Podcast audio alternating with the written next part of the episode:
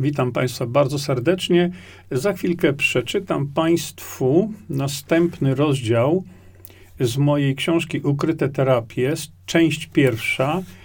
Ten rozdział ma tytuł od autora. Ja wiem, że wiele osób pomija tego typu wstępy.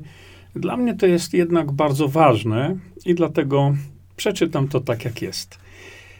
Zasiadając do napisania tej książki, miałem całkiem poważny dylemat – jak napisać książkę, w której chciałbym przekazać bardzo poważne informacje dotyczące naszego zdrowia, a jednocześnie, żeby czytelnika nie zanudzić. Napisałem pierwszych 30 stron i rozesłałem je do znajomych z prośbą o ich zdanie. Jedni po przeczytaniu odpisywali mi, że może za mocno walisz po oczach. Jednak kiedy doczytali do końca, szybko odpisywali: Nic nie zmieniaj. Inni za to: Za mało pokory na wstępie, ale inaczej chyba się nie da. Jeszcze inni pisali: Musisz to złagodzić, bo cię zjedzą. Jeszcze inni: Nareszcie coś napisane ludzkim językiem, bez zbędnego patosu i naukowego bełkotu, albo czyta się to jak niezły kryminał. Nie chcę, żeby książka ta wydała się pompatyczna i naukowo napuszona. Traktować będzie ona o bardzo, bardzo poważnych problemach zdrowotnych, szczególnie o tak zwanych nieuleczalnych, śmiertelnych. Czy jest temat, czy wartość poważniejsza w życiu każdego człowieka? Nie oznacza to, że odrobina humoru tej książce zaszkodzi. Mam nadzieję, że nie, bo jak sami często mówimy, humor, śmiech to zdrowie. Czasami bezlitośnie wykpie głupotę, brak logiki, konsekwencji, czy zwykły brak wiedzy u tych, którzy tę wiedzę powinni posiadać. Nie zrobię tego jednak złośliwie, wręcz przeciwnie. Krytyka nie jest niczym złym, pod warunkiem, że jest ona konstruktywna, innymi słowy, podająca inne, alternatywne rozwiązania. W przeciwnym razie jest to zwykłe krytykanstwo. W książce tej zawarte są informacje przydatne nie tylko każdemu człowiekowi, który chce dbać o swoje zdrowie, ale jest w niej bardzo dużo informacji dla lekarzy. Informacje w niej zawarte to efekt zbierania ich przez długie lata. Wielu godzin i dni ich czytania, analizowania itd. Tak Nie jest możliwe, żeby wszystko przekazać nawet w formie książkowej. Jest tego po prostu zbyt wiele. Przynajmniej jednak w części, w pigułce, informacje te postaram się przekazać w taki sposób, aby były one zrozumiałe dla każdego, przeciętnie wykształconego, myślącego człowieka z tak zwanej ulicy. Ilość i zakres wiedzy czy informacji, jakie chciałbym przekazać, wystarcza na kilka książek. Dlatego w tekście będę kilkakrotnie zaznaczał, o czym jeszcze chciałbym napisać, ale zastanawiam, zostawiam, przepraszam, te zagadnienia na później, do umówienia w następnej książce. Książka ta ma być też wskaźnikiem tego, jak mało wiemy na temat leczenia innego niż typowe leczenie aplikowane nam przez medycynę akademicką. Teraz, drodzy Państwo, e, raczej używam określenia medycyna rockefellerowska E, teraz tak. Czytam dalej. Notatka, jaką umieściłem na końcu książki, wszystko wyjaśnia, ale nie czytajcie jej teraz. Zróbcie to po przeczytaniu całości.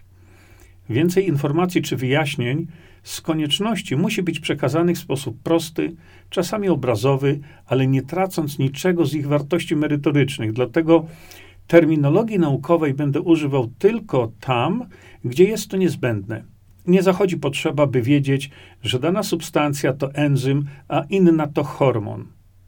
Moją intencją jest, aby w zrozumiały dla każdego sposób pokazać proste, ale skuteczne i bezpieczne metody naturalne leczenia wielu schorzeń bez konieczności stosowania toksycznych substancji występujących pod nazwą leków.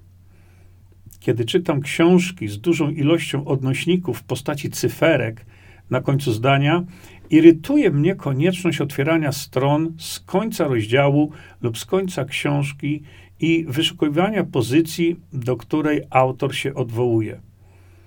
W tej książce tak nie będzie.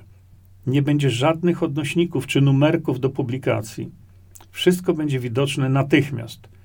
Może tekst nie będzie wizualnie śliczny, ale nie o to przecież w tej książce chodzi. Pokażę też, że świat medyczny chyba zbytnio uwierzył w przysłowiowe mędrca szkiełko i oko. Zagalopowaliśmy się w zaułki specjalizacji. Nie widzimy człowieka jako całości. Uważa się tylko coś bardzo skomplikowanego może nam pomóc wyleczyć skomplikowane schorzenie, że liczy się tylko to, co jest widoczne pod mikroskopem, na najlepiej elektronowym. Straciliśmy możliwość zauważenia, że coś, czego nie da się włożyć pod okular mikroskopu elektronowego, istnieje i może być przydatne. Okej, okay, technicznie przygotowani, niech, niech się nie czepiają mnie o ten okular, w tym przypadku właśnie e, mikroskopu elektronowego, no bo nie da się tam włożyć na przykład całego młotka. Dlaczego akurat młotka? Dlatego, że czasami jest to narzędzie bardzo przydatne, kiedy jest we właściwy sposób użyte do kontaktu z czołem. Pozwala odejść od mędrca szkiełka i zobaczyć, że istnieje jeszcze świat, gdzie rozwiązanie problemu nie leży pod mikroskopem, jest tuż przed samym nosem. Trzeba się tylko o tym dowiedzieć. Czasami posłuszać się żartem, a czasami złośliwością licząc na poczucie humoru czytelnika. Przypominam sobie taką anegdotę. Na tablicy ogłoszeń wisi lista 200 studentów medycyny, którzy właśnie ukończyli swoje studia, dostali dyplomy i tak. Przy tej tablicy stoi syn z ojcem. Syn jest bardzo zmartwiony. Czym się, synu, tak martwisz? pyta ojciec bo jestem dwusetny na tej liście. Ostatni, odpowiada syn. A co na wizytówce będzie miał ten, kto jest na liście jako pierwszy? No jak to, tato? Będzie miał lekarz medycyny. A ty co będziesz miał? No też lekarz medycyny. Ojciec na to, to po co się martwisz? Moje najbardziej ulubione motta to umysł człowieka jest jak spadochron zamknięty nie działa. Nigdy nie odkryje nowych oceanów ten, kto się boi stracić z oczu ląd. Trzecie, tylko zdechłe ryby płyną z prądem. No i czwarte, dopóki chory oddycha, jest nadzieja.